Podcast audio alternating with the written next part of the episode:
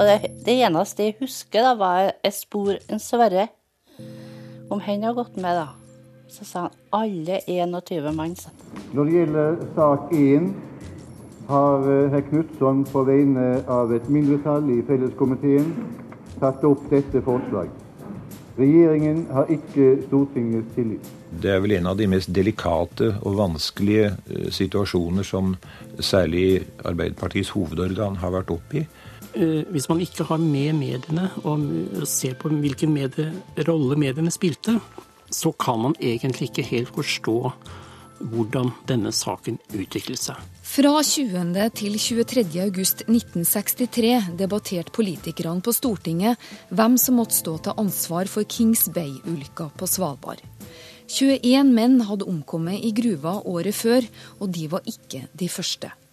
En rapport som ble offentliggjort samme dag som Stortinget skulle ta sommerferie i 1963, starta en intens debatt i norsk presse. Hvordan utvikla Kings Bay-saken seg? Hvorfor beskrives den som unik, og har den noen aktualitet i dag? Det er tema for Kurer.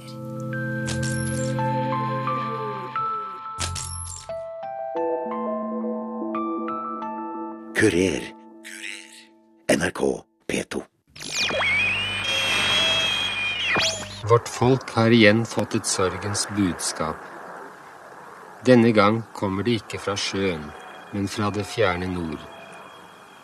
Den forferdelige gruveulykken i vårt nordligste samfunn, Ny-Ålesund på Svalbard, har rammet 21 arbeidere som er meldt omkommet eller savnet. Kings Bay-ulykka skjedde seks år etter at Stortinget hadde vedtatt å gjenoppta den statlige gruvedrifta. Drifta hadde vært stansa etter tre store ulykker som i alt krevde 43 menneskeliv. Forutsetninga for videre drift var trygge arbeidsforhold. Men i juni 1963, kvelden før Stortinget skulle oppløses for sommeren, kom den såkalte Tønseth-rapporten, som avdekka brudd på sikkerhetsforskriftene. Det ble også kjent at industriministeren i Gerhardsen-regjeringa hadde gått av. Høyres leder Jon Lyng fikk flertall for ikke å oppløse Stortinget, og daværende kontorsjef Gunnar Hoff forteller i et arkivopptak om noen hektiske timer. Og dette var da midt på klokken tolv om natten da vi sluttet møtet.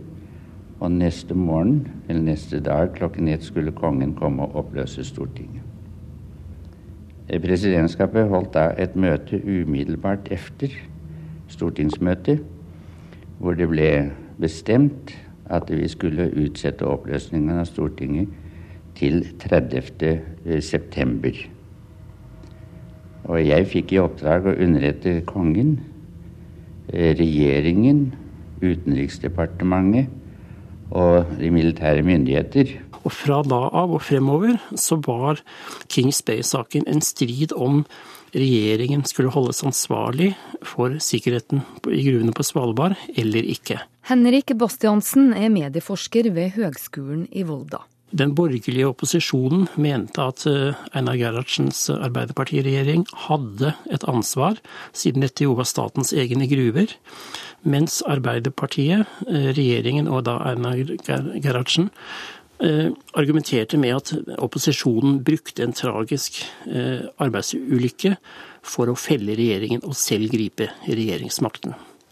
Så Der sto frontene for eller mot Arbeiderpartiregjeringen, for eller imot om den hadde et ansvar, et konstitusjonelt ansvar, altså i Stortinget og overfor dets flertall, i, i denne saken. Og, og, det var det debatten dreide seg om fra juni, slutten av juni 1963 og frem til saken kom opp og skulle debatteres i Stortinget fra 20. til 23. august samme år. Hva er bakgrunnen for at du fatta interesse for mediedekninga av Kings Bay? Jo, Bakgrunnen for det er en observasjon som jeg har gjort i en god del historisk litteratur, både generelt og om Kings Bay-saken spesielt. Nemlig det at når historikerne skriver om en sånn sak, så neglisjerer de nesten alltid mediene. Det står om saken og dens realiteter, men det står ikke om hvilken rolle mediene spilte i saken. Og Som mediehistoriker og medieforsker syns jeg det er veldig interessant. Og Når det gjelder Kings Bay-saken, så vil jeg si det så sterkt som at eh, hvis man ikke har med mediene og ser på hvilken medie, rolle mediene spilte, så kan man egentlig ikke helt forstå hvordan denne saken utviklet seg. Så viktige var mediene i 1963, for 50 år siden. Hvilken betydning hadde mediene? Ja, mediene eh, spilte litt forskjellig rolle. Det, de mediene det er snakk om her, er presse, radio og fjernsyn. Eh, avisene eh, var jo på denne tiden partiaviser. Eh, og det var de fleste norske aviser. Altså hver enkelt avis støttet et parti. Arbeiderpressen var en stor pressegruppe med over 40 aviser. Og dens hovedmotstandere var borgerlige aviser, altså avisene som støttet Høyre, Venstre og Senterpartiet. Og avisene møtte denne saken, striden om Kings Bay-ulykken, som en partipresse. Og det ble veldig viktig. Ehm, I tillegg til det så hadde vi da NRK, eh, radio.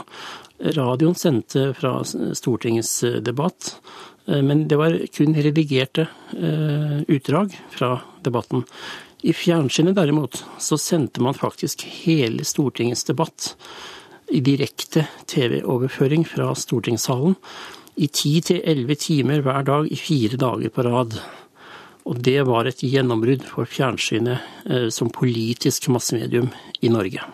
Klokka 18 tar ettermiddagsmøtet til, og vi holder da fram med direktesending fra Stortinget. Det første som hendte da stortingsmøtet ble sett klokka ti i dag, var at statsminister Einar Gerhardsen ga denne korte fråsegna. Herr president, selv om det kanskje er overflødig, så vil jeg for ordens skyld si at dersom Stortinget vedtar det klare mistillitsforslag som herr Knutson på de borgerlige partiers vegne har satt fram, så vil jeg med en gang innlevere regjeringens avskjedssøknad. NRK starta regulære TV-sendinger i 1960. Den direktesendte stortingsdebatten tre år etter representerte noe nytt både for seere, politikere og kringkasteren. Disse TV-sendingene hadde eh, en voldsom virkning eh, i Norge eh, i disse augustdagene for 50 år siden. Eh, de bidro til å åpne Stortinget for allmennheten, for det store publikummet. NRKs TV-team i Stortinget sendte altså direkte 10-11 timer alt som ble sagt fra Stortingets talerstol. Det var på denne tiden ca. 250 000 TV-apparater i Norge, og vi regner med at over en million seere kunne følge med på denne debatten.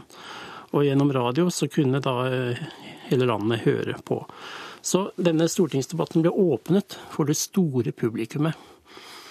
Eh, og de som kunne følge TV-sendingen, kunne altså eh, vurdere innleggene, argumentene, resonnementene, replikkene Eh, fra taler etter taler, fra parti etter parti, etter hvert som de kom opp på talerstolen.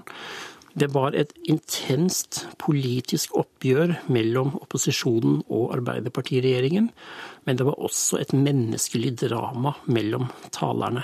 Man kunne se svetteperlene eh, i pannen, man kunne høre hosting, kremting, kommentarer fra salen eh, osv. etter hvert som debatten skred frem. Det var rett og slett spennende å følge med på dette oppgjøret. Og TV-sendingen var det som gjorde det mulig for det store publikum. Kurer NRK P2. Når jeg tenker tilbake på visse sider av det nå, så er det mye undring. Det, det er som om det er noe uvirkelig over det hele. Slik oppsummerte tidligere statsminister Einar Gerhardsen sitt inntrykk av mediedekninga av Kings Bay-saken flere år etterpå. Medieforsker Henrik Bastiansen mener debatten i avisene sommeren 1963 er viktig for å forstå omfanget saken fikk. For da denne Tønseth-rapporten ble kjent da, i Stortinget eh, 20.6, så skjedde det samtidig at industriminister Kjell Holler eh, søkte avskjed. Og eh, det ble kjent i Stortinget at regjeringen hadde sendt rapporten til pressen, men med sperrefrist til dagen etter. Eh, det betyr at avisen ikke kunne omtale det før etter at Stortinget hadde oppløst seg selv, som da skulle skje dagen etter. Og det var det, dette her som skapte denne bomben eh, da dette ble kjent i Stortinget. Så det ville gruppelederne rett og slett ikke finne seg i, at eh, Stortinget ikke skulle få anledning til å vurdere denne rapporten. For Stortinget ville jo da ikke kommet, kommet sammen igjen før i oktober, og da, det var jo da mange måneder etterpå, og det var også etter kommunevalget. Så man bestemte at Stortinget skulle utsette sin egen oppløsning til etter sommeren for å diskutere Kings Bay-rapporten. Og det ble den store saken som avisene skrev om fredag 21. juni. Og den dagen så eh, satt eh, Dagsrevyens eh, revolverjournalist og programleder Per Øyvind Heradstveit i Marienlyst i NRK og leste disse avisene om dette her. Og så bestemte han seg for å dra ned i Stortinget. Det gjorde han, og der gjorde han et intervju, et TV-intervju med alle gruppelederne fra, fra de ulike partiene under Eidsvollsgalleriet i stortingsbygningen. Det TV-intervjuet, eh, der i det så måtte hver partipolitiker svare på hvordan de vurderte King Space-saken. Dette intervjuet ble sendt to ganger i TV samme kveld. Og dagen etter der igjen, lørdag 22. juni, så var King Space-saken førstesideoppslag i aviser over hele landet. Og spesielt de borgerlige avisene brukte dette TV-intervjuet som kilde til eh, kritikk mot regjeringen.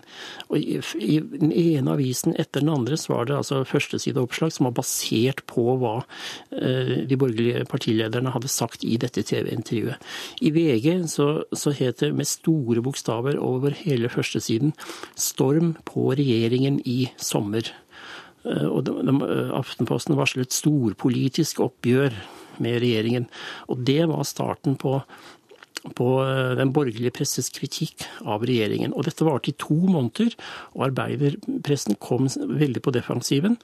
Så, eh, så derfor var det på en måte et oppmagasinert raseri på, eh, i arbeiderpressen når man kom til august, mens de borgerlige partiene og avisene da hadde kjørt den sterke kritikken eh, i avisene gjennom hele sommeren. Så 20. 20. august så var det to parter som møttes, som hadde drevet en borgerkrig si, i pressen i to måneder. Og nå skulle de møtes ansikt til ansikt foran eh, TV-seere fra hele landet. Den borgerlige presse har gått langt over streken for anstendig journalistikk for å ramme regjeringen. Og det er forståelig at arbeiderpressen har tatt kraftig til gjenmæle. I løpet av denne sommer har den borgerlige presse skapt en politisk atmosfære som jeg tror vil forgifte det politiske liv i Norge for lang tid framover. En harmdirrende Einar Gerhardsen var ikke nådig i sin karakteristikk av pressen da han gikk på talerstolen i Stortinget. I over 40 timer kunne norske TV-seere se det politiske oppgjøret.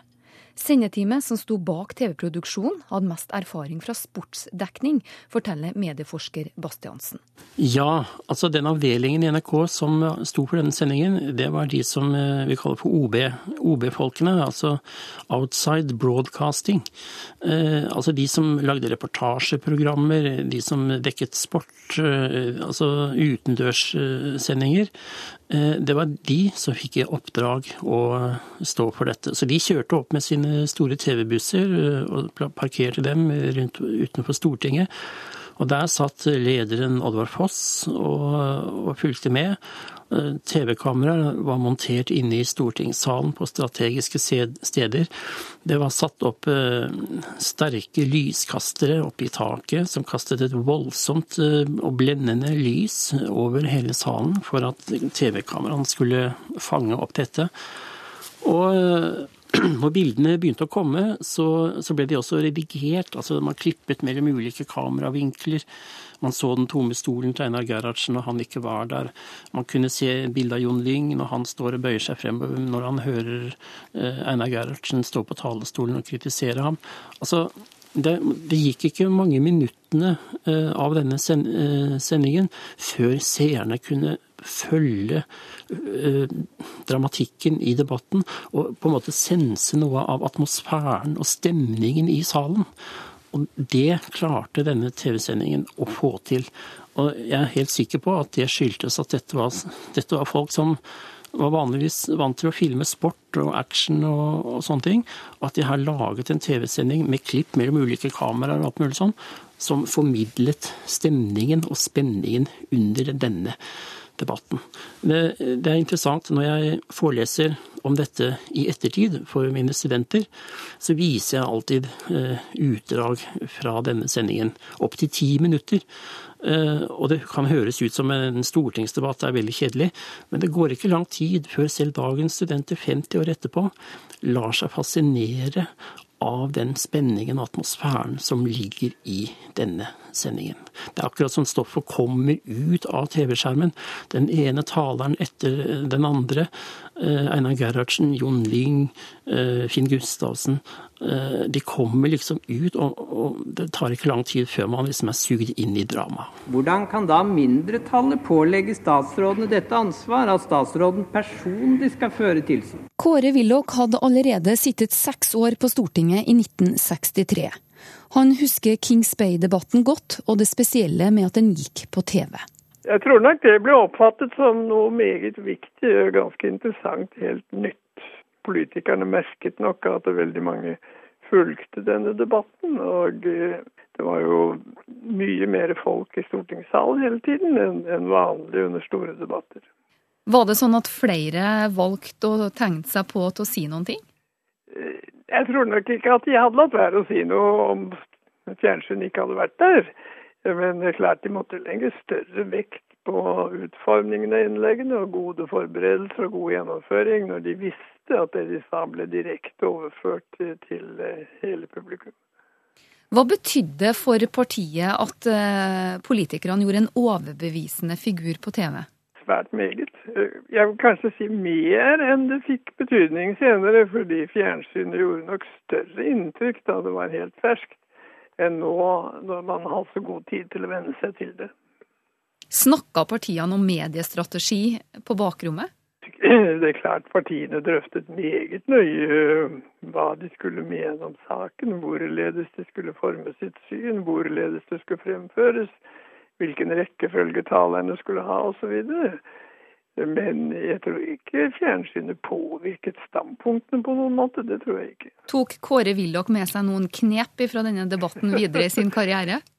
Jeg vil ikke kalle det knep, men eh, det var jo viktig å tenke igjennom eh, hva det kunne bety for mulighetene for å fremme politiske synspunkter. At man kunne få den frem gjennom fjernsynet. Det, det var en stor forandring for politikerne å sitte der i salen og vite at de var på TV. Det var veldig merkbart fysisk, fordi det sterke TV-lyset sjenerte dem. Det var faktisk flere som satt med solbriller på seg inne i stortingssalen, nettopp pga. dette TV-lyset fra taket. En viktig virkning av at TV sendte direkte, det var faktisk at eh, stortingsrepresentantene meldte seg på talerlisten med nye innlegg. Det var derfor eh, debatten ble så lang at den varte fire hele dager. Jeg tror ikke de to siste eh, dagene av denne debatten ville oppstått hvis ikke representantene hadde visst at de ville komme på TV når de meldte seg på talerstolen. Så gjennom dette så oppdaget de rett og slett hvordan de kunne bruke TV-mediet for å nå ut til velgerne sine. Herr president, det er forstemmende at Sosialistisk Folkeparti vil hjelpe de borgerlige partier med å felle Arbeiderpartiregjeringen. Vi vet det nå bedre enn før at den virksomhet Sosialistisk Folkeparti driver, er rettet mot Arbeiderpartiet og arbeiderbevegelsen. Det var to representanter fra Sosialistisk Folkeparti som bidro til at Gerhardsen-regjeringa ble felt med 76 mot 74 stemmer. SF ble etablert av utbrytere fra Arbeiderpartiet i 1961, og det vakte sterke reaksjoner da partiets leder Finn Gustavsen annonserte sin støtte til å felle Gerhardsen-regjeringa fra Stortingets talerstol. Eh, og det ble veldig kontroversielt, eh, og det ble sterkt kritisert i Arbeiderbladet og arbeiderpressen at Gustavsen kunne felle arbeiderregjeringen. Eh, blant de borgerlige så var det nok eh, stor eh, si, glede over at Gustavsen faktisk stemte sammen med dem. Så det, det, det virkelig avgjørende var, var at, at, han stemte slik. Forsvant litt av tragedien på Svalbard i denne politiske debatten på Stortinget? Ja, det kan man nok kanskje si mye om sakens realiteter, det var det også. Eh, men, men eh, det ble også da en, en, slags eh, egen logikk i denne saken etter hvert. Temperaturen steg, og pressedebatten utviklet seg og sånn. Som gjorde at om ikke dette kom i skyggen, så ble det i hvert fall bare én av flere sider ved den saken som ble diskutert i august 1963. For saken var en stor tragedie for Svalbard-samfunnet. En eksplosjon 300 meter under bakken med 21 omkomne. Elleve kunne aldri hentes opp. En av dem var mannen til avdøde Målfrid Sæter. Hun var gravid og mor til ei jente på 13 år da ulykka skjedde. I en radiodokumentar fra 2002 forteller hun om det menneskelige dramaet bak Kings Bay-saken. Våkna opp med at lyset blinka. Så forferdelig rart. Men det tenkte ikke at det var noe sånn spesielt med de. Jeg tenkte kanskje det var noe feil allikevel. Så jeg la meg bare til å sove igjen. Og våkna opp klokka halv tre med at det dunka på døra. Og så roper det 'Målfrid, du må stige opp'. 'Hvem er det', sa jeg. 'Nei, det er Olsen', sa han. Det var stuerten'. Jeg skal Har jeg, for, har jeg forskyvet meg, sa jeg. Nei, det har ikke gjort, han. Jeg vil bare snakke med deg, sa han. Han var helt sånn rød i ansiktet. Han var helt Han var alles paralysert. Og så sa han Har du hørt om ulykka oppi gruva? Og det, det, eneste jeg husker, da, var et spor en Sverre. Om han har gått med, da. Så sa han alle 21 mann. sa Det første som da foreligger, er herr Knutssons mistillitsforslag. Og eh, etter vanlig og sikker praksis foregår her eh, voteringen ved navneopprop. Valgoppslutninga i Norge har aldri vært høyere enn ved kommunevalget i 1963 og ved stortingsvalget i 1965. Kings Bay-saken fremheves som forklaringa på det. Kings Bay-saken økte den politiske interessen eh, i Norge, altså blant det store eh, publikummet. Det skrev avisene. Den politiske interessen går til himmels. Eh, det var, det var inntrykket i disse dagene. Og Derfor roste avisene NRK for denne mm, TV-overføringen, selv om de fant at den var meget dristig. Denne saken jo skapte et skille, fordi Jon Lyngs firepartiregjering, selv om den bare satt i tre uker, den viste at de borgerlige kunne eh, danne regjering og kunne være, være altså et alternativ til Arbeiderpartiets regjeringsmakt. Så når man kom til 1965, så var den regjeringen på en måte eh, et tegn på at de borgerlige kunne danne en ny eh, borgerlig regjering. De kunne overta makten eh, for, etter Arbeiderpartiet, som da hadde sittet i 30 år. Så 1965-valget ble en en mobilisering av eh, hvor det sto to eh, alternativer mot hverandre. Enten fortsatt Arbeiderpartiregjering eller en ny borgerlig firepartiregjering etter modell av Jon Lyngs regjering i 1963. Og så her var det veldig tydelig at, det var, at velgerne hadde to muligheter å velge mellom, og begge var realistiske. Har Kings Bay-saken noen aktualitet i dag? Den har jo historisk interesse, fordi den jo førte til den første borgerlige regjering etter annen verdenskrig. Har for så vidt påvirket utviklingen hele tiden senere. Men eh, for de aller fleste, for de aller fleste spørsmål, så er vel dette nokså fjern en fortid. Kings Bay-saken har den aktualiteten i dag at den viste at det var mulig for de, for de fire borgerlige partiene, altså Høyre, Venstre, Senterpartiet og Kristelig Folkeparti, eh, å danne en firepartiregjering. Det, det, var jo Jon Lyng som eh, ledet den, og selv om den bare satt i tre uker, så ble den et mønster. Det var en ny slik regjering eh, de, disse partiene gikk til valg på i 1965, og det fikk de jo til. Eh, den ble ledet av Per Borten og satt helt til 1971. Så den regjeringen hadde eh, Jon Lyngs eh, regjering i 1963 som en slags forløper, en forgjenger. Og også senere har egentlig alle forsøk på borgerlige firepartiregjeringer hatt Jon Lyngs regjering i 1963 som en forløper. Musikk